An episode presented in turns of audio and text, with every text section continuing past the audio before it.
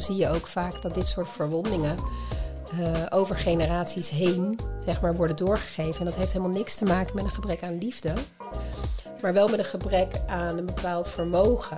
Maar wat veel vaker voorkomt, en dat is denk ik een beetje waar jij het ook net over had, is een bepaalde vorm van ontwikkelingstrauma. En dat gaat eigenlijk vooral over iets niet krijgen. Dat wat je voelt zegt iets over jouw interactie met de buitenwereld. Welkom tot de podcast De Vergeten Groepen, waarin we ons voornamelijk richten op de jongeren en hun ouders met verschillende belangrijke onderdelen van opvoeden en ontwikkelen. Parenting. Dit relateren we dan aan de maatschappij, hoe ze zich heeft ontwikkeld en hoe die zich zal kunnen ontwikkelen en wat wij eraan kunnen doen. Vandaag zitten we samen met Selena van Apeldoorn. En ik heb Selena als het ware benaderd via LinkedIn, omdat ik haar post zag. En in haar post zag ik een bepaalde directheid van communicatie als coach. Haar doelgroep is vooral sterke vrouwen begeleiden om iets milder voor elkaar te zijn. Alleen uh, de methode voor zichzelf, hè? voor mhm. zichzelf te zijn. Voor elkaar is ook leuk, maar voor jezelf is het belangrijk. Dat is veel belangrijker. En voor elkaar ook. Daar kun je pas daarna zijn. Eigenlijk, hè? Daar komt het eigenlijk een beetje op neer. Maar de reden wat ik zag is gewoon de directheid van communicatie en de manier waarop ze coacht. En ik denk dat het ook heel belangrijk is voor ouders uh, om stil te staan. De manier waarop ze coachen, dat het wel dicht bij jezelf moet, uh, dat je dicht bij jezelf moet blijven. Om het ook op, op, om de echtheid erin te houden. En dat vond ik heel interessant. En toen heb ik uh, Selene uitgenodigd en nu zitten we bij haar thuis. Eigenlijk wel op de meest relaxte stoel. Dan zul je daar op de foto zien die ik tot nu toe bij een podcast heb gehad. Dus uh, dank je wel daarvoor alvast. Ja, dank je wel voor de uitnodiging. Ja, ja. Nou, erg leuk. Um, ja, ik wil eigenlijk uh, eerst weten wie jij zelf bent. Mm. Um, en als je een beetje kan vertellen hoe je uh, als het ware zo hebt ontwikkeld... dat je een coach bent geworden mm -hmm. voor die sterke vrouwen dan. Dan moet je zelf ook sterk zijn. It takes one to know one. Hè? Ja. Uh, best een grote vraag, hè, Stijn? Wie ben je? Ja, dat is een hele grote vraag. Ja. Um, waar, waar, van welke leeftijd zou je willen beginnen?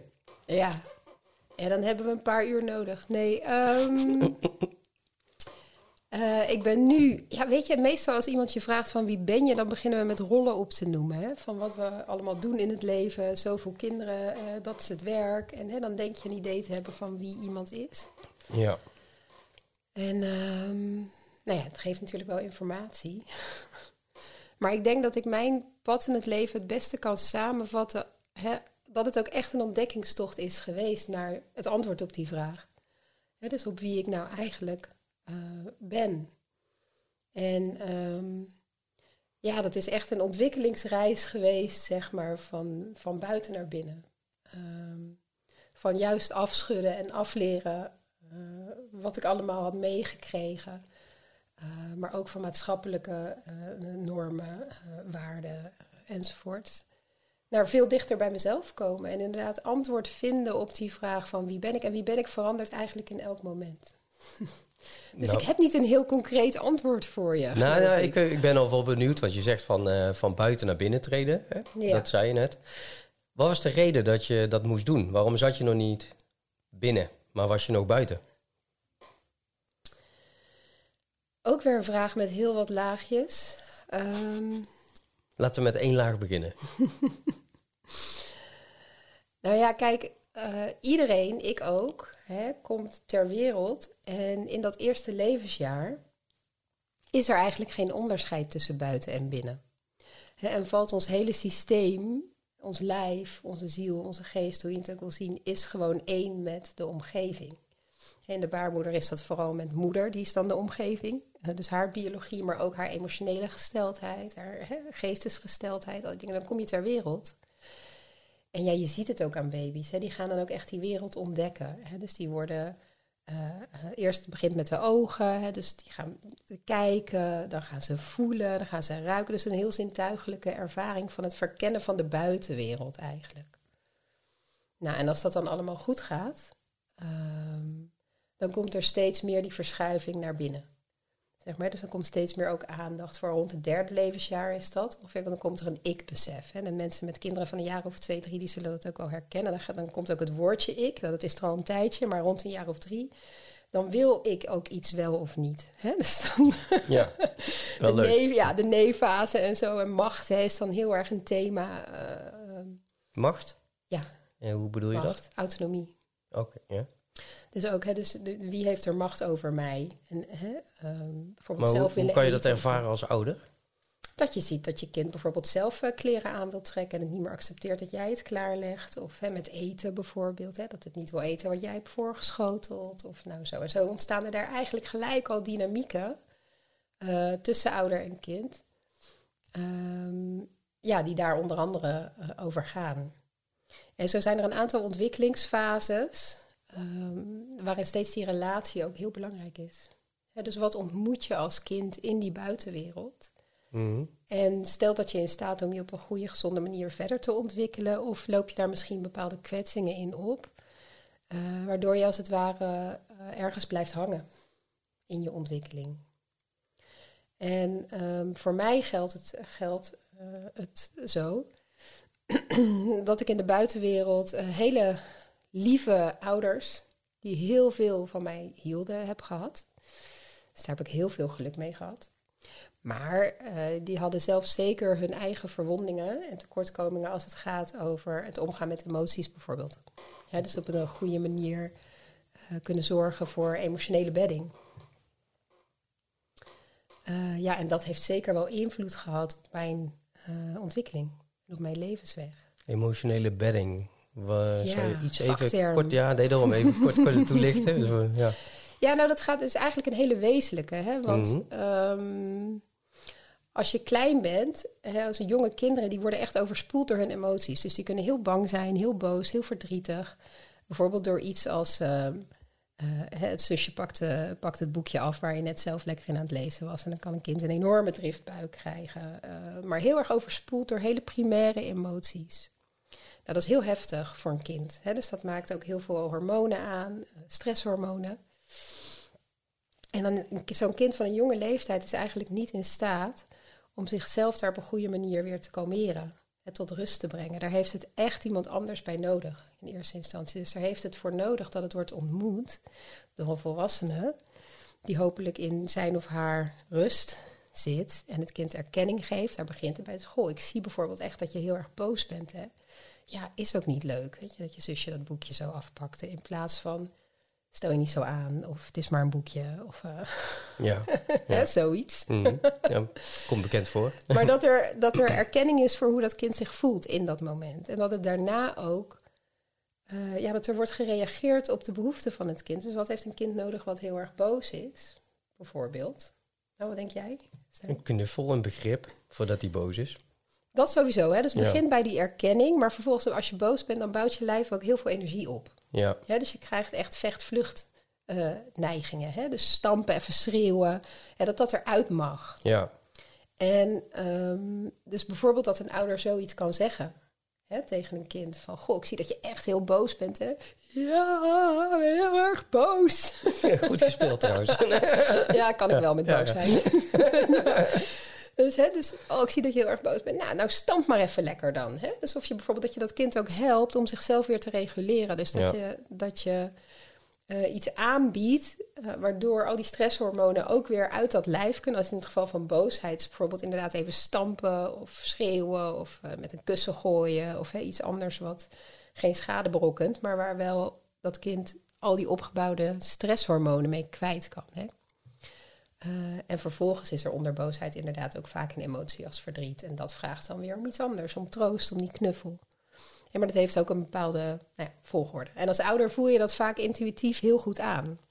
Alleen, Alleen- Doe je, alleen doe je er iets mee, ja of nee? Nou ja, ja, en boosheid is wel een mooi voorbeeld. Omdat ik, wat ik ook heel vaak zie in mijn praktijk, wat voor mij ook zeker wel zo was. eh, voor vrouwen is het misschien nog een beetje anders dan mannen, dat weet ik niet. Maar dat zou jij misschien wat over kunnen zeggen. Maar boosheid. Hè, een meisje eh, mag bijvoorbeeld wel verdrietig zijn en huilen, dat is oké. Maar je moet niet boos worden. Hè, dan moet je gewoon even rustig doen.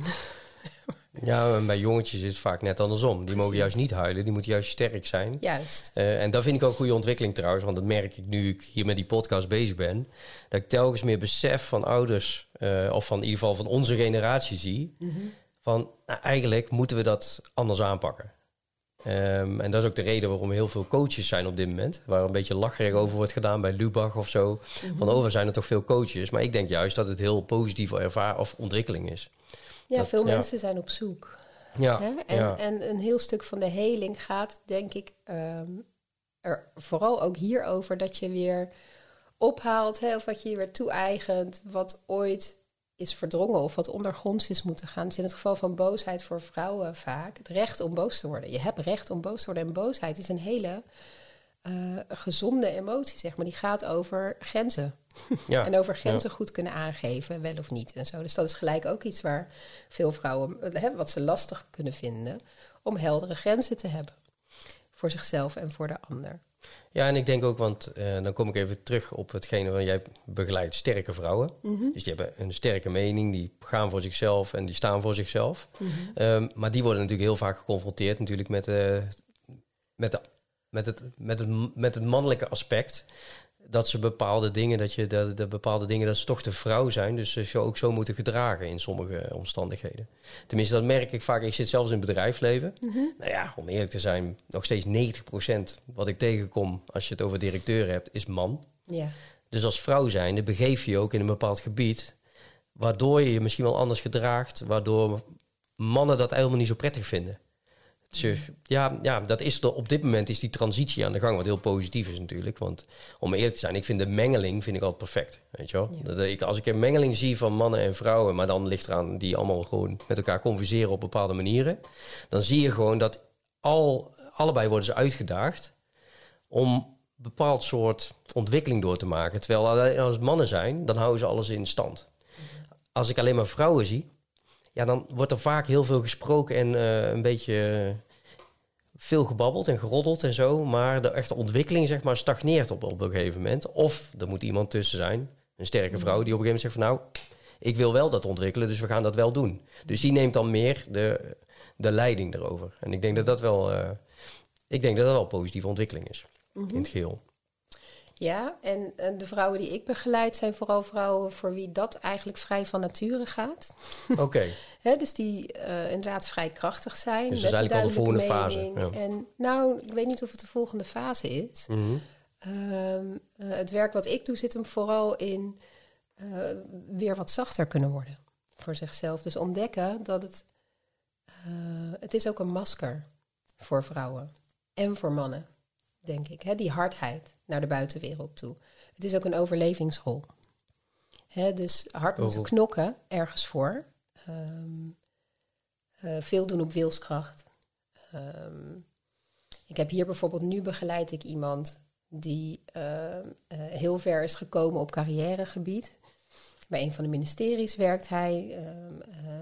En die is nu in een burn-out. Want burn-out is natuurlijk ook iets wat in de maatschappij nu steeds meer en meer. En ook op jongere leeftijd trouwens. Hè, dat is echt een fenomeen wat ook echt... Een, nou ja, het wordt steeds normaler tussen aanhalingstekens bijna om een burn-out te hebben.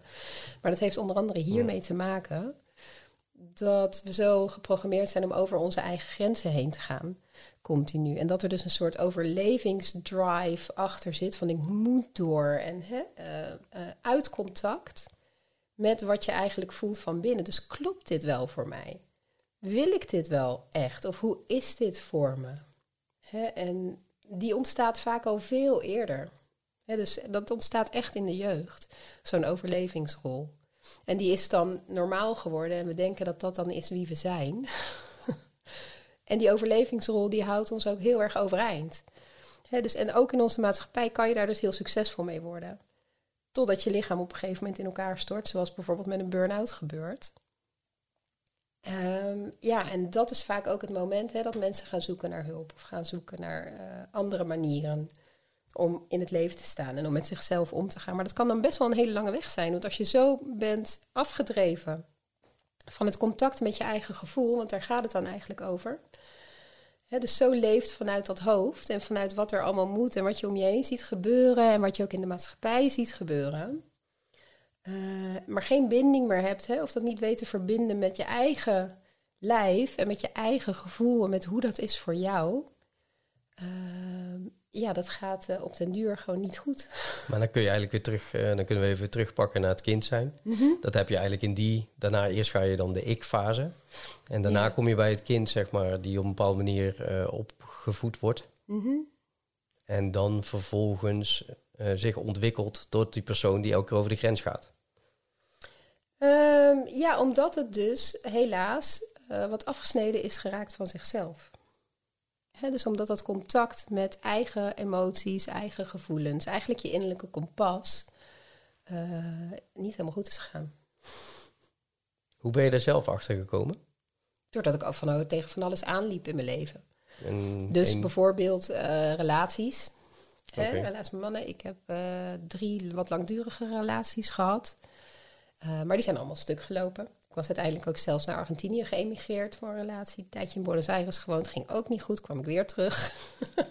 dus ja, dan begint er op een gegeven moment ook wel ergens iets te dagen in je hoofd van... Hmm, hè, wat, wat, wat gebeurt hier nou eigenlijk? Ik heb ook heel lang geen idee, dat is ook nog zo'n symptoom, geen idee gehad wat ik wilde in het leven, wat ik wilde doen.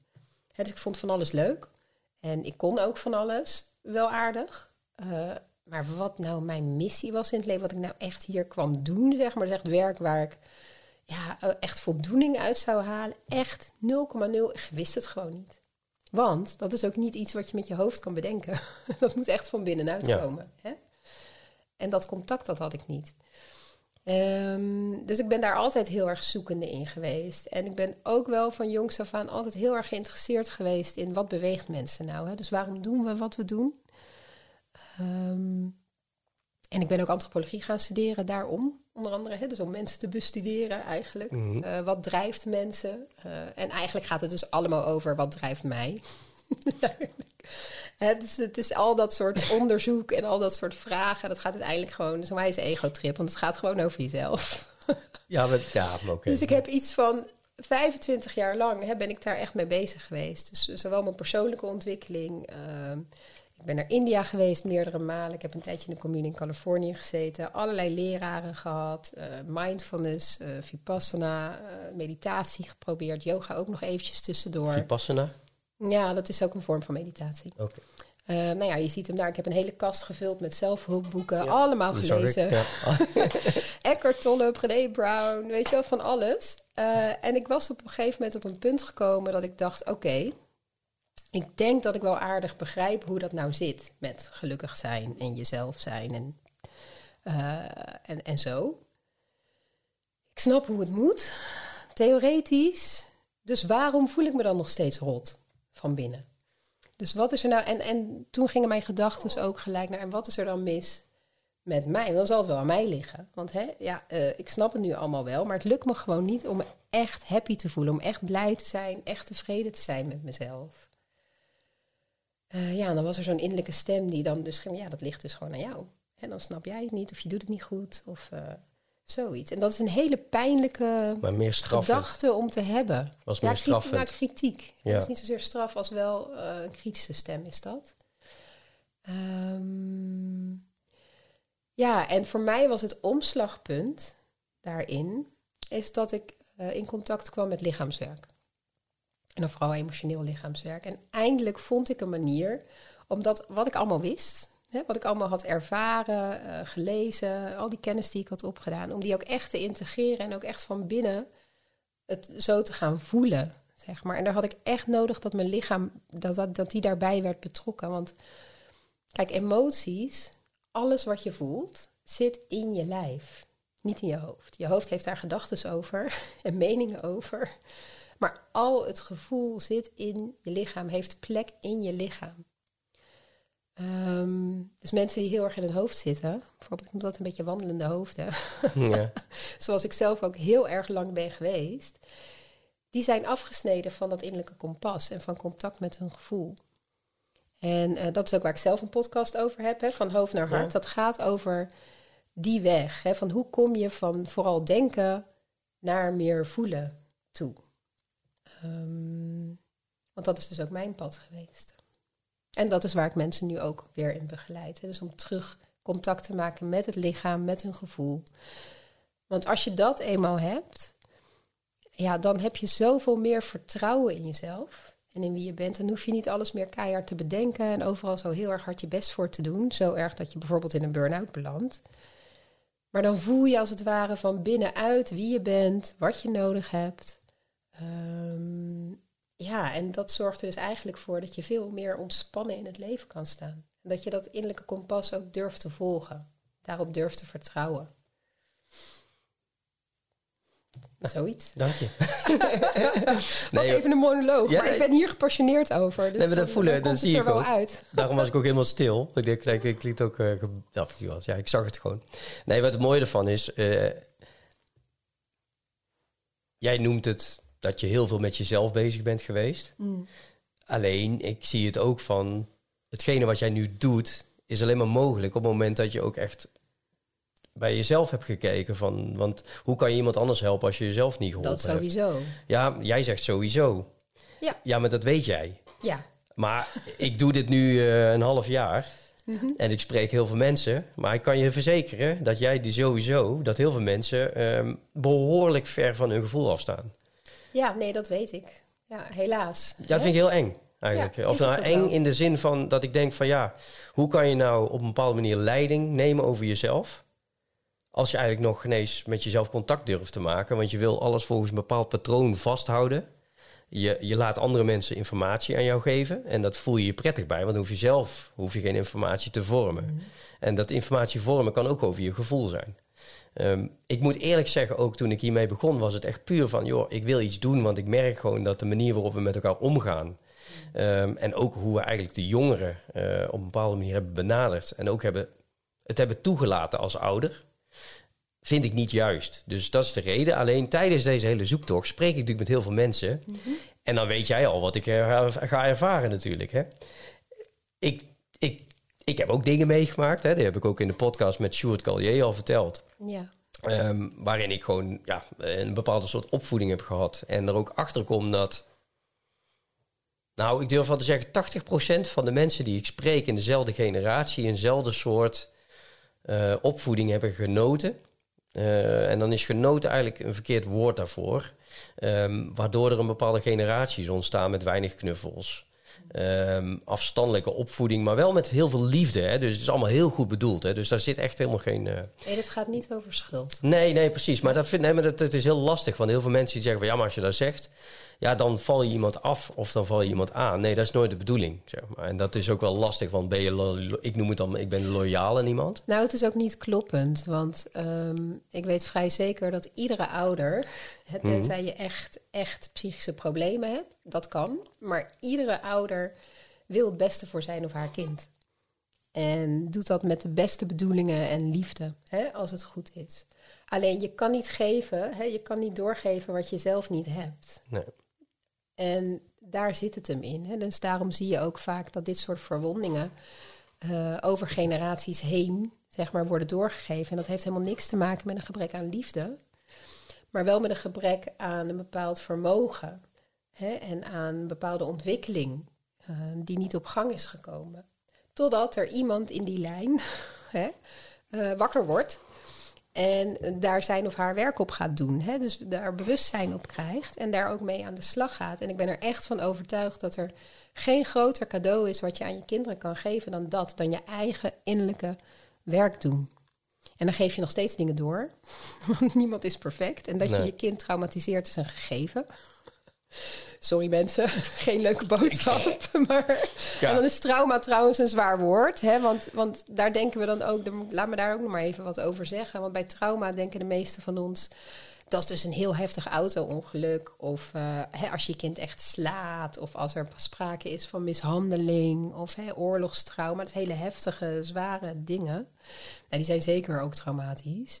Maar wat veel vaker voorkomt, en dat is denk ik een beetje waar jij het ook net over had, is een bepaalde vorm van ontwikkelingstrauma. En dat gaat eigenlijk vooral over iets niet krijgen. dus uh, gedurende langere perioden niet krijgen wat je wel nodig hebt, is ook traumatiserend. Uh, heeft een invloed op jou en op je ontwikkeling. En dat is wel heel belangrijk dat veel mensen zich gaan realiseren. Hm, ik zie je heel indringend kijken. Wat denk jij dan nu als ik dit, als je mij zo hoort? Nee, je bent heel erg duidelijk, zeg maar, in je bewoording. En dat is ook de reden, wat we vertelden ik al in het begin. Van, mhm. dat is ook de reden waarom ik zo geïnteresseerd was. Van, joh, daar wil ik wel een podcast mee maken. Mhm. Omdat het, het is het is een onderwerp wat veel vaak wordt gedefinieerd als zweverig. En je probeert verbinding, zeg maar. Verbind, ik spreek het nu ook al uit, hè, verbinding. zeg maar. Je kijkt echt alsof ja. je het heel zuur Ja, en dan neus een beetje optrekken zo. Maar terwijl eigenlijk is dat de kern. Weet je wel, het is geen verbinding. Nee, het is verbinding. Gewoon pam, weet je wel. Het is gewoon een woord en doe daar niet zo moeilijk over. Mm. Op het moment dat jij geen verbinding maakt met jezelf... Maar dan mis je ook iets. Ja, en dan is het wel helpend om verbinding maken met jezelf wat concreter te maken. En zoals ik dat bedoel, gaat het over verbinding met je gevoel. Ja. Dus verbinding met je gevoelsleven en met je emoties. Uh, en waarom dan? dat is ook nog een vraag van waarom is dat dan zo belangrijk om verbinding te maken met je gevoel? Want ja, dat kan iemand wel zeggen. En dat lees je ook in al die zelfhulpboeken bijvoorbeeld. Ja.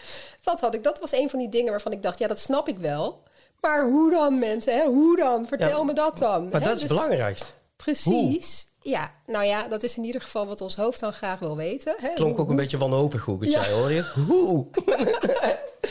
ja, nou daarom heb ik ook een paar afleveringen van die uh, van hoofd naar hart podcasts. En die beginnen met de vraag, maar hoe dan? Ja, ja, ja. Ehm, en het heeft wel wat meer diepte dan dat. Want het is niet gewoon iets wat je gewoon even kan doen. Hè? Maar ik kan wel iets zeggen over de... Als je, nou, laat ik beginnen met de waarom. Hè? Dus waarom is het überhaupt belangrijk uh, om dat contact met je gevoel stevig te hebben. Um, want als je dat niet echt snapt, dan, dan komt dat gewoon weer op het to-do-lijstje van ja, ik moet meer contact met mijn gevoel. Oké, maar als je niet werkelijk kan invoelen hoe, hoe wezenlijk dat is, ja, dan ga je er gewoon niet aan beginnen. Um, en waarom het zo belangrijk is, is omdat dat echt je innerlijke kompas is. Dat is waar je op uh, vaart eigenlijk in het leven. En begrijpen wat je gevoel je wil vertellen. Dus kijk, elke emoties zijn er niet voor niks. Beginnen. Een emotie zegt iets over jouw wisselwerking met de wereld om je heen. Dus een emotie heeft ook uh, een boodschap. Elke emotie verwijst eigenlijk naar daaronderliggende behoefte. Waar wel of niet aan wordt voldaan. En kunnen we die behoefte, hebben we die bewust? Dus wat zegt het eigenlijk op het moment dat je heel boos ergens over wordt? Weet je dan eigenlijk wel waar je precies boos over bent? En als je dat contact niet met jezelf hebt en met die diepere lagen daaronder, dan uh, komen we meestal niet verder naar, nou, ik ben gewoon boos omdat die uh, dat of dat zei. Of, uh, hè, en dan gaan we ook heel erg in het oordelen. Naar de ander, naar onszelf. Hè, dus dan plaats je het ook weer buiten. Ja, maar die boosheid gaat over iets wat pijn doet in jou. iets wat geraakt is in jou.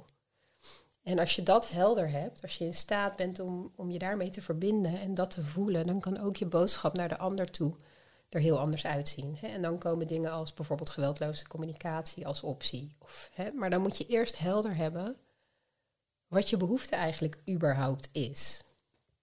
Nou, dat was een beetje de waarom.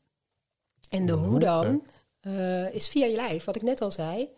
Emoties zitten in je lichaam. Emoties bedenk je niet. Dat is een gevoelde ervaring, een fysieke ervaring. Uh, waar ook je hormonen en je, je, zenuwstelsel een hele grote rol bij spelen. Dus als je daar weer mee in contact wil komen, is het een heel goed idee om meer in contact te komen met je lijf. ja, dus dat is eigenlijk die weg van hoofd naar hart. En um, ja, ook het leren luisteren naar de signalen van je lijf is daarin ook heel wezenlijk. Hè? Dus Um, Hoeveel afleveringen heb je nu gemaakt van, je, van, van deze van hoofd podcast? naar hart? Ja. want ik heb er twee. Hè? ik heb twee podcasts en de van hoofd naar hart uit mijn hoofd 19. Oké, en die andere? Denk ik. En um, van hoofd naar hart is nu eventjes op pauze, alhoewel ik denk dat ik met het nieuwe jaar met een nieuwe serie ga komen, dus nieuwe afleveringen ga maken. Want ik heb vanaf de zomer heb ik een nieuwe podcast en die heet Lief zijn voor jezelf in de praktijk. Ze zijn allebei te vinden op Spotify als je dat gewoon uh, intoetst. En die gaat echt over heel praktisch en korte afleveringen van 10 minuten. Terwijl van hoofd van hart naar hart een uur is. Echt zo'n dieptegesprek als wat wij nu ook hebben. Maar in lief zijn voor jezelf heb ik het over hele concrete dingen waar ik ook in mijn dagelijks leven tegenaan loop. En hoe het er dan uitziet als je daarin wat vriendelijker voor jezelf bent. Dus dat is echt een antwoord op die maar hoe dan vraag. Ja, hè? En wat er dan ook, omdat ik erachter kwam dat daar gewoon heel veel behoefte aan was. Ook bij mijn cliënten en bij iedereen die ik begeleid. Ehm, om af en toe een reminder te krijgen. Zeg maar van oké, maar hoe ziet er dan in leuk, maar hoe ziet dat er in het echte leven dan uit? Hè? Dus daar heb ik die podcast voor opgenomen. In het echte leven. Want als ik dan even terugkijk, hè, ehm, we hebben natuurlijk uh, de oorlog gehad. Ja. Nou, daarna hadden we de, de babyboomers. Mhm. Zoals we, hè, die is. Uh, en, maar toen had je natuurlijk ook wel een bepaalde soort gezinsopbouw. We werken, de ene, de man die werkte vaak, de vrouw zat thuis met de kinderen. Echt heel erg zwart-wit, maar dat mhm. was wel zo. Mijn moeder heeft nog, zich nog als smurf voortbewogen door de straat heen om te vechten voor de rechten van de vrouw. Ah ja? Ja, die las ik altijd opzij en zo. Dus daarom was ik ook op, op een bepaalde manier ben ik opgegroeid. Dat ik daar ook heel erg mee geassocieerd ben. Dat ik op een gegeven moment ook dacht van... Oké, maar er is wel een bepaald soort rolverdeling... die op een gegeven moment nu de shift maakt. En wij hebben ook de ja, ik weet, niet, ik weet niet of ik dat juist zeg. We hebben ook de tijd, maar we zijn ook zo ons bewust dat we iets aan moeten passen. Aan die rolverdeling niet alleen, maar ook aan ons bewustzijn van... We zijn altijd bezig geweest met ons hoofd. En nu moeten we meer weer naar het gevoel toe. En ik denk dat daar wel een bepaald soort transitie in zit. Niet bij iedereen, maar bij heel veel mensen die, de, die dus telkens een opvoeding hebben gehad op een bepaalde manier. Die denken van ja, maar ik merk gewoon dat ik heel veel dingen doe waar ik helemaal niet gelukkig van word. Mhm. Alleen dat is ook een financiële kwestie. Uh, het is natuurlijk, we zijn op een bepaalde manier ontwikkeld dat we materie is altijd zo belangrijk. En nu langzamerhand zie je telkens meer mensen zeggen van ja, weet je wel, ik heb dat niet nodig. Mhm. Of je hebt alles al. Daardoor krijg je ook ruimte natuurlijk om te kijken naar je gevoel. En ik zit zelf in het bedrijf, uh, bedrijfsleven. Dus ik uh, loop nog allemaal rond tussen allemaal verschillende mensen. En, en ik vind het altijd het meest interessante, want dat is ook een beetje mijn tussenfase, zeg maar, noem ik dat. Ik ben goed in wat ik doe. Maar dat komt ook omdat ik goed ben in wat ik doe, omdat ik mensen met elkaar verbind om samen tot een mooie oplossing te komen waar iedereen eigenlijk mee geholpen is. En als je dat voor elkaar kan uh, boksen, dan maakt het niet uit of jij directeur bent of je uh, aan de lijn staat of wat je dan ook doet. Iedereen is blij. En dat maakt mij blij. Dus dat dus heeft niks. wel een verbinder. Nou, ik ben stiekem een. ik, ja, het is gewoon verkoper. Heel, ja, vind ik ook wat mooi om te zeggen. Weet je wel, op een gegeven moment, dat was al leuk. Op een gegeven moment had het over een oude klasse of oude collega van mij. Ja, die is customer service manager. Zeg mijn vriendin, ja, chef van de klantenservice. dus je kan het allemaal een heel mooie naam geven. Maar eigenlijk ben ik daarin, verbind ik veel meer bedrijven met elkaar, zodat je samen kan werken. Um, en dat vind ik het leuk om te doen. Um, maar als ik naar het pure aspect kijk, merk ik ook wel vaak dat als je dat ook in het bedrijfsleven gaat doen, samen naar een oplossing, dat en de operationeel directeur en dan uh, de proces uh, die het optimaliseert, ik en dan een andere partij, dat we allemaal gewoon ineens kleine jongens worden die heel blij zijn en zo van, oh, dat hebben we mooi gedaan, zeg maar. Dus je komt heel erg dan weer naar het gevoel toe, ook al heb je het over iets zakelijks, maar iedereen staat dan met zijn passie om het goed te doen. Mooi. En ik vind dat helemaal, ja, maar die vertaalslag, die probeer ik nu vaak te maken, omdat ik nu heel merk, ja, ik bedoel, ik spreek met jou en jij bent echt ook letterlijk bezig met het van, uh, van je hoofd naar je hart. Ja. Maar dat is eigenlijk ook wat dat daar gebeurt, alleen je realiseert het je niet zo letterlijk, omdat het niet benoemd wordt. En ik heb jouw podcast natuurlijk even, ik heb er twee geluisterd. Oké. Ja, en wat vond je ervan? Ik vond hem heel goed. Um, ja, ik heb al gezegd, zo, ik ben echt uh, heel erg op geluid, maar dat is ook een beetje een dingetje, zeg maar. Als er bij mij in de auto iets kraakt en het is een flesje, dan vraag ik vriendelijk aan de persoon naast mij of hij even het flesje even daar weg wil halen, want dat valt mij op. Maar dat maakt niet uit. Maar ik vond, wat ik heel belangrijk vond, uh, vind van de podcast, is dat er heel erg direct wordt gesproken van hoe doe je het en waarom. Wat het moeilijk is voor mensen om te luisteren en dat vind ik dus ook een, uh, niet een gebrek van de podcast, maar meer een gebrek van de mensheid zelf. Dat je al snel bent, ja, dan moet ik helemaal dat gaan doen. En dan, uh, ja, ja, laat me zitten hoor. Ik ga, weer, ik ga weer door met mijn dagelijkse structuur. Terwijl als mensen, iedereen zit, ik praat even nooit door, hè, want jij wil dan, ja, ik zie het wel. nee, nee, nee, maar iedereen heeft, elke week heb je wel twee uur dat je iets aan het doen bent. Veel mensen helaas doen dat nu met het scrollen op hun telefoon. Maar je zou net zo goed zou je die podcast kunnen opzetten en daar gewoon de tijd voor kunnen nemen. En ik doe vaak bijvoorbeeld zo'n deel um, voordat ik ga slapen. Een rustgevende waardoor ik dichter bij mezelf kom.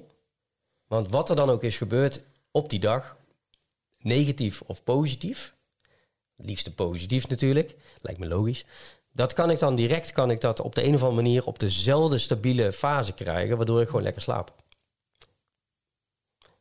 Nou, dat was mijn pleidooi van deze podcast. maar wat vind je daarvan als ik dat zo benoem over jouw podcast? Wat, voel je daarbij? Of uh, wat? Uh, ja, raak ik even halen wat je nou precies zegt. Maar dat mensen, wat je bedoelt, als ik je goed begrijp, is dat mensen het kunnen, zouden kunnen luisteren en dan denken: oeh, dan moet ik weer helemaal aan mezelf gaan sleutelen. Weer een heel gedoe. Hè? Dus een heel traject en daar heb ik geen zin in. Is dat wat je bedoelt? Dat bedoel ik eigenlijk te zeggen: dat heel veel mensen snel op het moment dat het. Uh, dat het gaat over uh, van, van je hoofd naar je hart, eigenlijk de, mhm. letterlijk de titel, dat veel mensen daar misschien wel een soort angst. Dat ze denken van, jezus, maar ja, ik bedoel, ik weet wel dat ik natuurlijk elke keer rij en dat ik bijvoorbeeld aan een uh, apparaat loop te sleutelen of ik, uh, ik heb vervelende collega's. Maar ja, goed, ja, maar ja, ik moet, ja, ik moet hier toch zijn. Maar snap je, daar moet je toch iets bij voelen. En ik denk, het moet resoneren, hè, denk ik. Kijk maar naar files. Files vind ik het beste voorbeeld waar ik denk, ik heb er vanmorgen in gestaan, dankjewel. en nee maar, het, nee, maar dit is wel een punt dat ik denk van, waarom? En waarom wat? Waarom staan die mensen daar elke dag? Oh zo. Ja, nou even teruggrijpend ja, sorry, op, wat je zei over de, over de podcast. Ehm, ja, ik herken zeker. En dat hoor ik ook terug van mensen. Hè, dat ze, ik, ik had gisteren nog iemand aan de telefoon uit Utrecht. En uh, die had namelijk eindelijk op de website heb ik een pagina waar je contact op kan nemen voor een gratis sessie. Om eens gewoon bij mij te komen kennismaken en te komen voelen is? van Selena van Apeldoorn.nl. Oké. Ehm, en daarop kan je, kun je dus de podcast vinden, ook blogs die ik heb, uh, workshops die ik geef, van alles. Maar die mevrouw die had zich daar dus aangemeld voor een gratis kennismakingsgesprek. En ik belde er gelijk terug, want ik zag toevallig dat mailtje en ik had tijd. Dus nou, ze schrok al bijna een beetje dat ik zo snel reageerde. Help. dus ik had er aan de lijn en ze zei van... ja, weet je, ik luister nu echt al een tijdje naar je podcast. En uh, ja, nu is eigenlijk het moment gekomen dat ik denk... en nu moet ik het gewoon maar eens gaan doen. He, ze zei ook van, ik schrik eigenlijk dat je dan ook gelijk bijna belt. Maar nou ja, dus dat hoor ik heel vaak. Mensen uh, zijn hier echt wel wel een tijdje mee bezig voordat ze bij mij komen. En die luisteren ook al vaak een tijdje naar uh, bijvoorbeeld de podcast. Uh, of volgen mij op een andere manier. Want natuurlijk is er een drempel. Hè? En die niet zoveel contact hebben met je gevoel of heel veel last hebben van zo'n kritische, strenge innerlijke stem. dat is niet leuk. en je weet zelf ook wel dat daar dingen onder zitten die ook pijnlijk of lastig zouden kunnen zijn om te gaan voelen. En ik denk dat dat misschien ook een beetje is wat jij bedoelt. Precies, ja. En ehm, waar het dan over gaat, is dus dat er iets anders nodig is dan alleen maar de bewustwording van dat het misschien een goed idee zou zijn om daar iets mee te doen. Hè? Uh, er zijn denk ik twee dingen heel belangrijk daarin. De eerste is uh, dat de pijn groot genoeg is. Dus iemand moet echt ergens tegenaan lopen, echt ergens last van hebben. En dan is zo'n burn-out een voorbeeld. Maar bijvoorbeeld, het kan ook zijn dat de relatie met je kinderen heel lastig is. Of dat je merkt dat je daar dingen in doet die je eigenlijk liever niet uh, zou doen. Hè, omdat je juist probeert om het anders te doen dan je ouders bijvoorbeeld. En dan patronen van jezelf tegenkomt waar je van schrikt. Uh, hè, maar iets waar je echt last van hebt. Want anders komen mensen gewoon ja, helaas niet in beweging. Um, dus er moet, je moet echt ergens last van hebben, ergens tegenaan lopen. En daar moet je ook klaar mee zijn.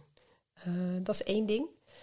En het volgende is, denk ik wat heel belangrijk is, is dat mensen vertrouwen gaan voelen in uh, dat als ze begeleiding zoeken, als ze hulp zoeken, dat ze dan ook op de juiste plek zijn.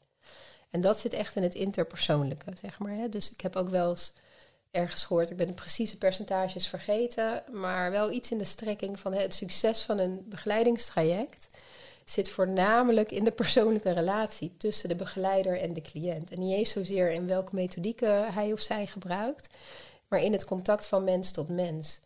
Want zeker als het over emoties gaat en als het over gevoel gaat, dan is dat eigenlijk ook precies het gebied waar het niet helemaal goed is gegaan. Want emoties uh, ontwikkel je op een gezonde manier of niet in menselijk contact. dus met je ouders, opvoeders, verzorgers. Dus als je daar een kwetsing in hebt, dan is ook de enige manier om dat op te lossen, is door het in contact anders te gaan ervaren. En ergens waar het veilig is. En dat is een van de redenen waarom ik die podcast ben gestart. En waarom ik ook blogs schrijf. Zodat mensen mij wat beter kunnen leren kennen. Want als je naar de podcast luistert, dat is wat die vrouw ook zei gisteren. Van hé hey, ja, ik luister nu al een tijdje naar je. Ik heb het gevoel wie je bent. En ik vind je stem prettig. En nou, hè, dat voelt gewoon goed.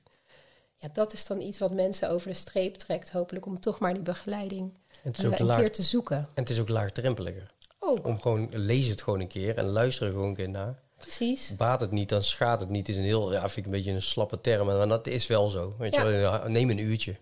En ik heb ook mensen die Ja. mij echt al een tijd volgen, soms een jaar of twee jaar. Hè, dan vinden ze het allemaal interessant en leuk om te volgen. Maar pas op het moment dat er iets gebeurt, hè, dus daar ga ik weer naar. Hè, er moet ook wel echt iets zijn waar je tegenaan loopt of waar je Ja. klaar mee bent. De pijn. Ja. de pijn. Ja, dan, dan pop ik weer boven en dan krijg ik alsnog dat mailtje. hè, Of komen mensen alsnog langs. Ehm, dus het is ook een kwestie van ja, daar vertrouwen in ontwikkelen dat dat kan. En vaak de mensen die hier komen, die hebben ook echt al dingen gedaan. Dus de vrouwen, vooral vrouwen, ook wel mannen hoor. Ik heb ook mannen die, die ik begeleid. Maar ja, die hebben echt al een keer, die, zijn, die hebben vaak ook al eerder therapie gehad. vaak iets van cognitieve praattherapie, noem ik dan. Eh, in ieder geval zelf hulpboeken gelezen. Op andere podcasts geluisterd. ehm, eh, de happiness, nou ja, van alles. Ja. Dus die hebben echt wel een bepaald bewustzijnsniveau. En daar zit vaak ook nog een pijn en een frustratie.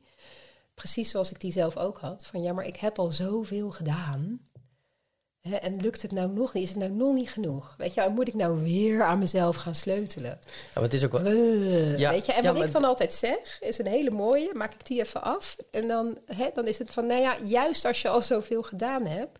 dan zit het er meestal niet in nog meer inzicht krijgen. Hè, want je weet het allemaal wel. Dus het gaat echt over dat lijntje met je gevoel herstellen. En dat kan gelukkig voor de meeste mensen eh, relatief snel. Ik bedoel, een traject bij mij, dat is maar zeven keer. Dat zijn zeven sessies. Zeg maar, hè? En na die zeven sessies, ja, dan sta je echt wel meer in verbinding met je lichaam en dus ook met je gevoel. Is het wel iets repeterend wat je moet doen na die sessies ook? Want je hebt zeven sessies gehad. Is het dan repeterende oefeningen die je continu toe kan passen? Ja, het zit hem dus niet zo in oefeningetjes. Ja, dan- Dus het gaat echt, dankjewel voor de vraag, want ik doe hier geen quick fixes. Dankjewel. Dus het gaat echt over eh, ehm, eh, heel wezenlijk weer verbinden met jezelf en verbinden met je lijf. En natuurlijk zijn er dingen die je kan doen die daar helpend in zijn. Dus als ik hier werk met mensen, dan krijg je heus wel suggesties mee om te doen. Maar het zit hem dus niet in, ik doe gewoon even een paar oefen- oefeningen. Het gaat echt over eh, jezelf gaan voelen en gaan ervaren. En mijn ervaring is toch wel, dat hoor ik ook terug van mensen dat eh, als dat lijntje eenmaal gelegd is, zeg maar, hè, als, je moet het eigenlijk een beetje zien als is een soort natuurlijke stroom van emotie. Die gaat door ons heen, eh, door ons lijf heen de hele tijd. En door sommige dingen die we hebben meegemaakt, is daar een dam gebouwd op sommige emoties, hè, of op sommige plekken in ons systeem. Stroomt het niet meer goed door. Als je die dam eenmaal hebt weggehaald, dan kan het water uit zichzelf weer stromen. En dan weet jou, het klinkt een beetje zweverig, maar de metafoor komt nu in me op. Nou, maar als vind- die blokkade, het gaat eigenlijk over het opruimen van blokkades. Dus als die blokkade eenmaal is opgeruimd, dan heeft jouw lichaam en jouw zijn, jouw wezen, heeft een eigen intelligentie. Die je dan alleen nog maar hoeft te volgen. En dat klinkt dan heel makkelijk, dat is het niet per se. Ehm, maar wat ik hier doe is echt met mensen kijken naar en wat staat er nou in de weg, precies voor jou, om te voelen wat je voelt. Want daar gaat het over. Dat Ja. je weer kunt voelen wat je nou eigenlijk voelt. En dat je ook weet wat je daarmee zou kunnen doen. Dus wat voor jou de, de, het goede is om te doen, het dienende is om te doen. En ik ben er ook echt van overtuigd dat op het moment dat je dus liever kunt zijn voor jezelf, jezelf kunt voelen, je behoeftes serieus kunt nemen, ehm, dat dat direct heel erg goed is voor je omgeving. Want in het voorgesprek, toen jij hier vanochtend binnenkwam, stelde je me ergens de vraag van wat kun je nou doen om de wereld te verbeteren of om de wereld Ja. te helpen. Eh, ik denk dat dat hierover gaat. Dus eh, op het moment dat je liefdevol kunt zijn naar jezelf, is dat ook wat je uitdraagt naar je omgeving. Een soort ripple effect. Die sneeuwbal. Ja, Ja. maar ook gewoon het, eigenlijk ook het enige realistische wat je kan doen. Het enige waar jij over gaat ben jezelf. En Ja. je kan andere mensen daartoe inspireren. Maar het gaat vooral over je eigen innerlijke werk doen.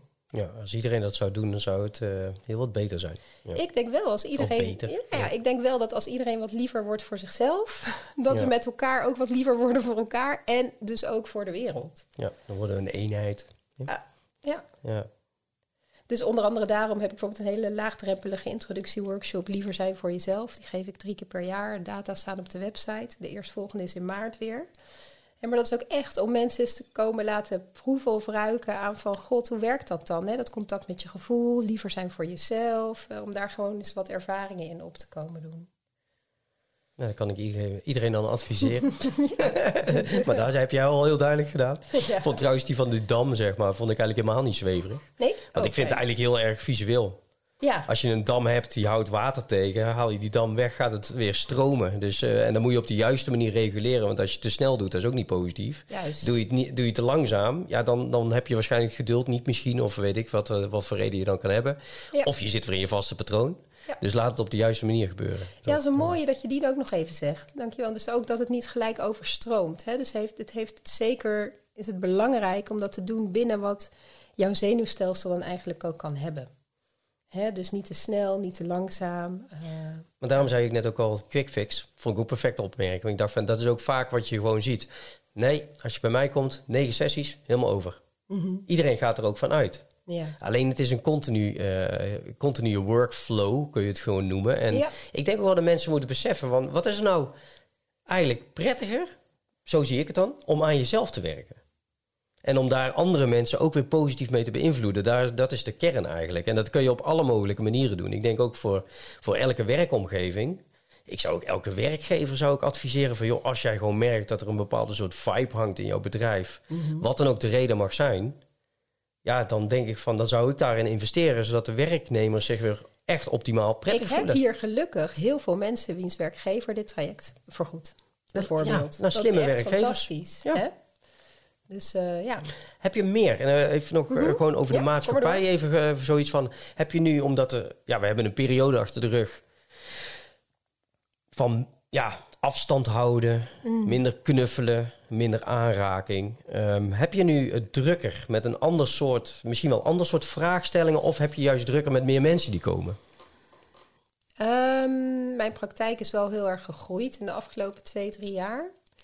Maar dat heeft niet zozeer te maken met de coronasituatie, denk ik. Het heeft meer te maken met dat eh, ik wat harder aan de bak ben gegaan met de podcast en met dat soort dingen. dat is even heel praktisch, pragmatisch. Ja. Eh, en wat ik daar wel over kan zeggen is... Kijk, die hele situatie heeft natuurlijk dingen uitvergroot. Dus het heeft te- tegenstellingen tussen mensen uitvergroot. En het heeft zeker gezorgd voor eh, ja, meer afstand hè, tot, ons, tot elkaar, ook tot ons lijf. En aanraken is bijvoorbeeld een hele wezenlijke behoefte. Iets wat we als mensen echt nodig hebben om ons goed te voelen. Goed in ons lijf te voelen. Ehm, maar ik kan niet zo zeggen dat dat direct heeft doorgewerkt en dat ik nu hier een ander soort problemen zie, zeg maar. Want wat ik al zei, waar ik hiermee werk, dus dat afgesneden zijn van je gevoel en strenge stem en zo, innerlijk, eh, ja, dat heeft een veel eerdere oorsprong. Dus dat gaat echt over eh, hè, de vroegkinderlijke ervaringen en hoe ging het thuis als het ging over emoties en dat soort dingen. Um, dus ja, dat, dat was 40 jaar geleden al geïnstalleerd, als je begrijpt wat ik Ja, bedoel. misschien, misschien dat je er nu meer met je neus op de feiten wordt gedrukt, omdat je meer thuis alleen bent geweest. Misschien Ja. is dat het dan. Ja. Dat het heeft versneld. Dus dan Of kan dat het je ook- meer gebotst bent met je gezin omdat je elkaar op de nek zat. Hè? Dus dat, dat kan ook nog. Hè? Dus we moeten toch met elkaar meer gaan praten. Ja, ja is toch wel handig. Ja, nee, Ja, nee. of juist niet. Hè? Dus of Oh. bijvoorbeeld mensen die... Ja. Nou ja, en mensen met kinderen, zoals ik ook, is mensen met gezinnen. Kijk, wat heel fijn is geweest in die periode... is dat je elkaar nog hebt om mee te knuffelen. Hè? Dus Ja. de, de, die behoefte aan nabijheid en aan fysiek contact. Nou, ik heb zeker met jonge kinderen, het zal met tieners anders zijn. Die heb ik nog niet, want mijn meiden zijn nu zes en acht. Dus die hebben ook echt nog een knuffelleeftijd, Ja. gelukkig. dus moeders van tieners hoor ik dat dat ook alweer anders is. Eh, maar hè, die behoefte werd heel erg vervuld. Ehm, maar wat ik als heel erg pittig heb ervaren is ja, de hele tijd voor mezelf en rust en ruimte en de stilte in huis bijvoorbeeld die ik hier ervaar als zij naar school zijn. Wat voor mijn zenuwstelsel ook heel belangrijk is. Dat ik weer een beetje, nou, zo'n diepe Opladen. ademhaling kan slaken. Of, hè? Dat was ook helemaal weg. Dus nou ja, ik denk dat ieder op zijn of haar manier gewoon een hele fikse uitdaging eh, heeft, heeft beleefd in die tijd. Maar het is zeker zo dat patronen zijn uit. Maar dat is eigenlijk onder elke stresssituatie. Hè? Dus de coronapandemie is natuurlijk een stresssituatie geweest. Er zijn meer stresssituaties. dus is het bijvoorbeeld heel erg druk op je werk, uh, nou, dan herken jij misschien ook wel, dan kom je thuis en is je lontje korter. Dus dat heeft ook weer effect op hoe je omgaat met je dierbaren. Ja. Zo snel mogelijk probeer ik altijd de kern van, uh, van de irritatie zeg maar, bespreekbaar te maken. Mm Door gewoon, uh, maar dat is heel makkelijk is dat. Hè? Ik bedoel, ja, nou, dat is niet makkelijk. Maar ik heb mezelf aangeleerd dan gewoon in de auto. Ik zit vaak in de auto. Dus dan benoem ik gewoon, oké, dat ging niet goed. Dat ging niet goed. En dan ga ik het gewoon opnoemen. En waar de emotie het meeste aanslaat bij dat onderwerp, oh ja. daar ligt het gevoel. Oh ja. En denk van oké, maar waar komt dat vandaan? En ik ben wel iemand die over zijn grenzen heen kan gaan, want ik wil gewoon dat iets goed gaat, zeg maar. Mhm. Alleen als je op een gegeven moment bepaalde situaties is dat gewoon niet mogelijk. En dan, dan, dan heb je inderdaad dat grensoverschrijdend uh, gedrag, waarin uh, ik noem het altijd kleine Stijn, die dan op mijn schoot zit en dan tegen mij zegt van je moet doorgaan, want het moet lukken. En dan zeg ik tegen mezelf, ja, kan ik het beïnvloeden? Nee. Je hebt op een gegeven moment dat je zo'n Indiër, zeg maar, die, die zei op een gegeven moment iets op, eh, is het een probleem? Ja. Kan je er iets aan doen? Nee. Is het geen probleem? Is het een probleem? Ja. Kan je er iets aan doen? Ja. Is het ook opgelost? Kan je er ook iets aan doen? Snap je? Dus da- hij zei het eigenlijk heel simpel, leg die uit van. En dat is eigenlijk hetgene wat ik doe bij al die dingen. Zoiets van, kan ik er iets aan doen? Nee. Oké, punt. Hè? Dan, dan, dan maak je het al veel makkelijker. Of in ieder geval voor mij werkt dat om het zachter te maken. eh, voor mezelf en het minder belangrijk te maken. Want ja, dat is eigenlijk ook. En zo. het is een mooie manier van ernaar kijken. Hè? Het is een wat rationelere manier. Eh, en mijn nieuwsgierigheid zou dan gaan naar... eh, goh, en, en je zei net iets over het gevoel daaronder. Hè? Want Ja, dat is de prestatiedrang. En dat komt weer, eh, zeg maar, van vanuit mijn jeugd, waarin goede cijfers. Je moest goede cijfers halen. Ik zie het ook bij een vriend van mij, dat ik af en toe denk van... Jezus, geef die kinderen af en toe wat ruimte. Hè, Om gewoon... Als die, het is niet voor niks dat zijn zoon zoveel speelt. Geef hem wat ruimte. Nou ja, dat was... eh, eh, wij kregen wel ruimte, maar we wel ruimte binnen een bepaalde beperking. Ja, ga maar lekker spelen. Maar pas je wel op dat je niet uit de boom valt. Pas je wel daarop. Pas je wel daarop. Dus ik was heel vaak op mijn hoede. oké, Ja, dus ik was altijd bezig met wat kan er gebeuren als ik dat doe en dat doe. En dat heeft heel veel. Anticiperen eigenlijk. Ja, anticiperen. Ja. Dus daarom kan ik ook heel makkelijk anticiperen als ik dingen zie. Dan schiet ik in de actie. Terwijl in sommige omstandigheden, dan doe ik iets waar ik helemaal niet goed in ben. Want de kans van mislukken is dan heel groot. Dus dan leg je jezelf ook een bepaalde druk op. En dat is eigenlijk als het ware die cirkel die je blijft herhalen. En die onderbreek ik nu, want dan denk ik van, ga ik gewoon niet doen. mooi. Ja, leuk hè? Ja. En, her- en herken jij dan ook al eh, hè, dat er dus ook zo'n zo'n soort innerlijke slavendrijver in jou zit... die je dus opjaagt om Ja. hè, door te gaan. En je moet, hoorde ik je net zeggen. Hè? En, Moed. Ja, Ja. Vooral moed is een van de woorden waar ik het meeste als iemand tegen mij zegt... ja, we moeten dit, we moeten dat. Moeten is iets wat je van de buitenwereld moet, zeg ik altijd... maar niet echt van jezelf nou, misschien. of van jezelf op het moment dat je zo'n innerlijke strenge stem hebt. Nou, dat bedoel ik dan. Is het nog steeds, dat noem ik dan eigenlijk iemand die... dat ben je zelf niet, maar daar zit dan die sterke sterm... ben in een onderdeel van jou. het is een onderdeel. Maar die zegt moed. Maar dat is eigenlijk wat ik zeg, Kleine Stijn zegt. Die voelt zich weer eh, het jochie wat even... eh, bevestiging nodig heeft, zeg ik altijd dan. Zo. Ja. Ja, ja, want wat zou de behoefte zijn? En ik zie, dat is wel mooi, want terwijl je dit zegt, zie ik ook iets in je Resultaat. gezicht gebeuren. Resultaat. Ja. Resultaat halen. Van als ik dat doe, dan is het goed. En als er geen resultaat is, Dan? wanneer is er geen resultaat? Is dan de volgende vraag naar mijzelf toe. Wanneer is er geen resultaat? Op het moment dat iets mislukt, heb je ook een resultaat. Want dan weet je dat het niet gelukt is. Wat is, maar jij bepaalt als iets mislukt. Jij hebt al van tevoren heb je al bepaald van alleen als dat gebeurt, dan is het succesvol. Dus dat is de druk die je jezelf oplegt natuurlijk. Dat is ook eigenlijk iets wat je En jezelf. die eh, komt van die innerlijke slavendrijver. Hè? Dus dat is een stem, en het gaat misschien te diep om daar hierop Nee. in te gaan, hè? maar dat is een stem die bijvoorbeeld ontstaat in zo'n eh, vroeger kinderperiode. Hè? Je zegt ook al van thuis, nou, er werd gekeken naar prestaties, hè? dus resultaten waren belangrijk. Hoor ik je je mag geen fouten maken. Ja, Oké, ja, je mag geen ja. fouten maken. Zo min mogelijk. Ja. Ja, oké. Dus maar nog was- geen ik misschien, maar zelfs als voorbeeld ja. ik het ook. Hè? Nee, snap ik. Ja. En hoe was dat voor jou als kind? Dat is moeilijk, zeg maar. Want eh, dat, eh, heb ik toen vor- vorige keer ook, want ik heb de vorige keer ook een podcast overgenomen. En dan zit je daarna te denken. Maar dan zit je eigenlijk nog meer in de eindfase van hetgene wat je nu, of je lo- loyaal bent naar je ouderen. Zo, nou, dat ben je altijd, want het zijn je ouders, zeg maar. Ze hebben ook altijd heel goed hun best gedaan. Maar als we dan teruggaan naar i- ik als kind, heb je natuurlijk continu het idee dat je op je tenen loopt. Onbewust.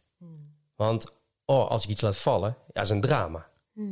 Ehm, En als je dat nu zegt, kan je dan voelen wat er in je lijf gebeurt? Ja, dat is, dat is een beetje krampachtiger word ik, zeg maar. Spierspanning, is een beetje spierspanning. Dus dan Mhm. voel ik hier altijd, ja, de ene die heeft het daar, de andere heeft het daar en zo. Kijk, ehm, ik had vroeger ook altijd vaak maagzuur. Dat heb ik nu helemaal niet meer, zeg maar. Dus dat is ook in, eh, iets wat je Mhm. bereikbaar op de een of andere manier. Maar ik dronk ook toen op dat moment, ja, studenten, weet ik veel wat en zo. Dus dat had er ook mee te maken. Maar als je dat inderdaad terug, dan kom je dus in de spanningsfase. Want omdat je dan het idee hebt van, ik moet weer. Zeg maar, dus dat innerlijke, automatieve, primitieve eh, reactie, die is er nog steeds. En, Ja. en hoe was dat voor je, denk je, als kind toen? Hè? Dus zo op je tenen moeten lopen. Als ik je dat zo hoor zeggen, dan zie ik je lijf iets doen. En ik doe het met je zo strak. Ja, dat Hoe is dat eigenlijk- voor je geweest? Je gaat op een gegeven moment jezelf als het ware al een afwijzing opleggen. Dus je gaat al vanuit van dat het niet goed is, zeg maar, op de een of andere manier. Dus dat is niet prettig. Heb je een ander woord voor niet prettig? Ja, gewoon iets grover. Iets, iets specifieker. Piep! iets specifieker zou ik nieuwsgierig zijn. Voor zover je dat hè, zou willen delen. Ja, dan krijg je vluchtgedrag, zeg maar. hè. Dus eh, dat, is, dat zie je heel vaak. Dat mensen uit bepaalde situaties, dat je wil vluchten. En ik merk dat alleen nu bij mezelf, merk ik dat nog terug als ik iets moet doen waar ik echt geen zin in heb. En dat, ja, sorry, maar er zijn gewoon dingen die moet je gewoon doen. Dan merk ik nog steeds dat ik echt zo binnen zo'n bal krijg van... Oké, weet je wel, je, leg, eh, je hoeft er niks mee, wat er allemaal gaat gebeuren. Maar ja, heb je er zin in? Nee, absoluut niet. En ik heb daar, maar daar heb ik nog steeds die- wel dat... die eh, bal, ja. zit in je buik. Ja, dat zien de mensen niet, maar je wees even naar je buik. Ja, nee, dat is mijn buik. Die zit in je ja, buik. Mhm. die zit in mijn buik, de spanningsbuik. Ja. En heb je een idee, welke emotie is dat dan? Die bal? Nee, Oké. ik wil hier niet zijn, zeg maar. Dus ik Ja, heb dat is geen de gedachte daarover. Hè? Dus dat zijn Ja. de gedachten die dan opkomen. Maar de emotie zelf, De emotie zelf. Ik wil hier weg, dus dat is vluchtgedrag. Gedachte. Ja, Ik wil hier weg is een gedachte. ja. En, maar dan is de emotionele eh, bewoording is lastig. Dat, eh, ja. ja. en, en dit is precies wat ik ga je geen nee, zestig nee, nee, op maar dat weet ik. Maar ik weet, ik weet waar je aan het doen bent. Ik bedoel, laat even duidelijk zijn. Je wil even wat, aan... denk, wat denk je dat ik aan het doen ben? Jij bent ook even aan het laten zien wat jij doet, zeg maar. Dus dat je van je, gedag, van je hoofd naar je hart moet. En dat, ik, dat je dat op dat moment, als je de, het, de emotie niet kan benoemen... Even, misschien zeg ik het helemaal verkeerd, maar als ik het niet kan benoemen... dan betekent dat het nog niet volledig in mijn hart zit. Nee, Klopt ik was dat? eigenlijk benieuwd naar jou. Ja, gewoon echt waar. Ja. Je was gewoon geïnteresseerd in je interviewer. nee, nee, Katje, ja. Ja. ja. leuk. Hoe is dat als ik dat Ja, zeg? dat vind ik fijn. Dan zie ik wat gebeuren. Dat is leuk, toch? Ja. Ik was gewoon even nieuwsgierig. Leuk, Stijn. Ja, leuk hè? Ja. Nee, maar dit is wel zo. Van, dan zit je dan bij jezelf van, is dat nou vluchtgedrag en dit en dat. En het leuke ervan is, daar vind ik ook van deze podcast. Ik, ik, kijk, nu hebben we even zo'n korte ding, maar die heb ik al tien keer gehad, zeg maar. En, en dan soms gaat het heftiger. Ehm, dit is meer gericht op mij. Vaak gaat het gericht op eh, eh, de trainer of coach of wat ze doen. Dus dit is veel meer gericht op, ja, je vraagt gewoon letterlijk iets. Dank je wel daarvoor.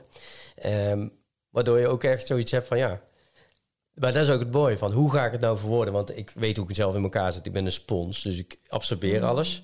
En dan zit ik voor morgen zit ik ergens of weet ik wat. En dan ga ik daar toch over nadenken. Oké, wat is dan het gevoel? Hoe kan ik dat nou het beste in de emotie leggen? En dat is een mooie Ja. vraag. Hè? Ja. En, ehm, want dat is een van de dingen ehm, waar we dus vaak een beetje het, het contact mee zijn verloren. Om, hè, dus we voelen ergens iets in ons lijf, vaak iets ongemakkelijks, eh, iets van spanning. Hè? Eh, iets van, nou, die bal in je buik. Eh, Mensen, ik hoor hier ook heel vaak een brok in je keel. Hè, of benauwd. Of nou, spierspanning in je schuif. Van allerlei lichamelijke dingen. Die niet per se heel prettig zijn. Eh, waar we dan een soort neiging bij hebben om bij weg te willen. Of het op te willen lossen. Hè? Logisch, zou je denken. Als het niet fijn is, wil je weg. Nee, dat is automatisch. Dat, is ook een automatische ja. reactie. Hij is alleen niet zo heel erg helpend. En dat gaat terug op wat ik net zei. Dat wat je voelt, zegt iets over jouw interactie met de buitenwereld. En die boodschap kan je eigenlijk pas ontcijferen als je leert om daarbij stil te staan, het te voelen, het te benoemen. Er in, en eigenlijk de 180 graden omgekeerde beweging in plaats van er bij weg, er juist naartoe. En dan is het al heel helpend als je daar gewoon wat nieuwsgierigheid naar kan ontwikkelen. Hè? Dus bijvoorbeeld die bal in je buik. Als je een nieuwsgierigheid in jezelf kan vinden, hmm, hè, wat, wat zou dat kunnen zijn? Of wat, en dan, dat is dan nog steeds een cognitieve vraag. Dus wat ik hier inderdaad doe, is mensen helpen om daarin te voelen. Hè? En dat gaat dus via het lijf. En dan komen die woorden en de betekenis eigenlijk, die komt dan vanzelf. Maar die komt van een andere plek en niet doordat je daarover na gaat denken. Want, maar ah ja, als je dat niet hebt geleerd, en dit is dus ook wat er in die kinderjaren vaak niet helemaal goed is gegaan. Als, als je daar niet in gespiegeld bent uh, door je ouders, uh, als je nooit hebt ontdekt hè, hoe je op een wat gezondere manier met die gevoelens, ook onprettige gevoelens, kunt omgaan, ja, dan weet je niet hoe. Waar moet je dat vandaan halen? Dus dan gaan we erover nadenken. Ja. En dan gaan we ons zitten afvragen: wat is nou die bal in de buik en wat betekent het? En, mm, hè? en dat is logisch, want je hebt geen andere manier geleerd. Ja, want je benoemde net cognitieve gedeelte. En die cognitieve, wat je net zei, dat kan, ik zo, dat kan ik zo -hmm. beantwoorden. Geloof ik, direct. Dan zeggen van, oké, ja, eh, ik, ik zit daar en ik heb het idee dat dan iemand... dat ik aan een verwachting moet voldoen. Maar ik hoef natuurlijk helemaal niet een verwachting voldoen. En dat is meer het, idee natuurlijk, het automatische... Uh, de slavendrijver, zoals jij het dan zegt. Of, uh, ja, ja maar en je leek ook al wat verrast dat ik misschien... Dat, hè, dus de, de mogelijkheid dat ik oprecht geïnteresseerd ben in jou... was ook een beetje een verrassing. Klopt dat? Nou, vaak wordt het dan weggedaan. Zeg van oké, maar dan weet je gewoon zoiets van ja, maar ja, goed. Antwoord. Hmm. meeste antwoord wat ik ook bij andere mensen als ik ergens thuis ben, waar ik nu veel meer op let trouwens, het laatste half jaar. Dus hmm. echt, eh, ik, ik zeg nog niks, dat ga ik ook niet doen. Mhm. Maar dan, uh, ah joh, komt wel goed. Ja. Ah joh, nee joh, maak je niet zo druk. Mm maar dat is geen, dat is geen niet onderzoeken. Dat is ook geen uh, interessevraag. Dat is het afdoen van oké, dan ben ik er weer vanaf. Want dan hoef ik het niet, dan hoef ik niet bij je met jou te gaan praten. Precies. En dat is, dat is niet de verbinding die ik met jou maak. Nee. En jij maakte net met één vraag, maakte jij verbinding met mij. Hm. En dat was, ja, dat, nee, maar bedoel, dat is wel zo. Dan, op het moment dat je dat allemaal zou doen, die verbinding maken, zou het veel makkelijker maken. Ja, Heb je in ieder geval echt contact. Ja, ja dat klopt. Fijn dat je het zo hebt ervaren zijn. Ja, geen probleem. Ja, fijn ook. Dankjewel. Jij ook bedankt. Ja, ja, Zou je nog iets willen toevoegen op dit moment? Aan, uh, want ik vind het gesprek is heel soepel verlopen en ik vind ook mm. dat je heel duidelijk maar dat had ik eigenlijk ook al min of meer ingeschat, om eerlijk te zijn. Dankjewel, even schouderklop. en, uh, maar dat je heel duidelijk kan verwoorden van oké, wie jij bent en hoe je het aanpakt. En dat je daardoor, door je workshops en door de video's, dat ik ook denk dat als mensen hier naar luisteren, en dat als mensen naar jouw website gaan en luisteren wie jij bent en je blogs lezen, dan weet jij al van, hé, hey, bij haar moet ik zijn. Of nee, zij, ik moet iemand hebben die anders is. Ja, dat, is wel de bedoeling. Hè? Dus ja. Uh, ik merk dat ik hier inderdaad vooral mensen aantrek uh, ja, die resoneren met mij. En dat is voor mij ook het leukst, want dat werkt het prettigst. Ja, nee, dat is ook dus, zo. Dus iets om toe te voegen. Nou ja, inderdaad, als er iets resoneert hè, in wat ik zeg, of je bent zelf nieuwsgierig of je zou uh, eigenlijk ook wel wat liever voor jezelf willen zijn. Stiekem. Neem dan even dat kijkje op de website. Uh, er zijn heel regelmatig workshops. Je vindt daar dus ook de, allebei de podcasts. Uh, ja, en dan heel welkom. Nou, in ieder geval, ik wil je hartstikke bedanken. Ja, jij ook. Ik vond het heel fijn om uh, voor een goede podcast ook. Tenminste, vind ik nu al, maar goed, wie ben ik? Hopelijk vinden jullie het ook, diegenen die dadelijk gaan luisteren. Um, als jullie vragen hebben of je wil uh, nog iets eh, benadrukken of je hebt feedback, uh, stuur het gewoon naar podcast.devergetengroepen.nl. Um, ja, je kan ons volgen via Spotify, via Deezer. We zitten ook al op Apple Podcast. Dat laatste moet je best wel je best voor doen trouwens. Maar daar heb ik allemaal te danken aan degene met wie ik het doe, Ricky. Um, als jullie vragen hebben, dan kan dat op die manier. Nou, dankjewel en tot de volgende keer.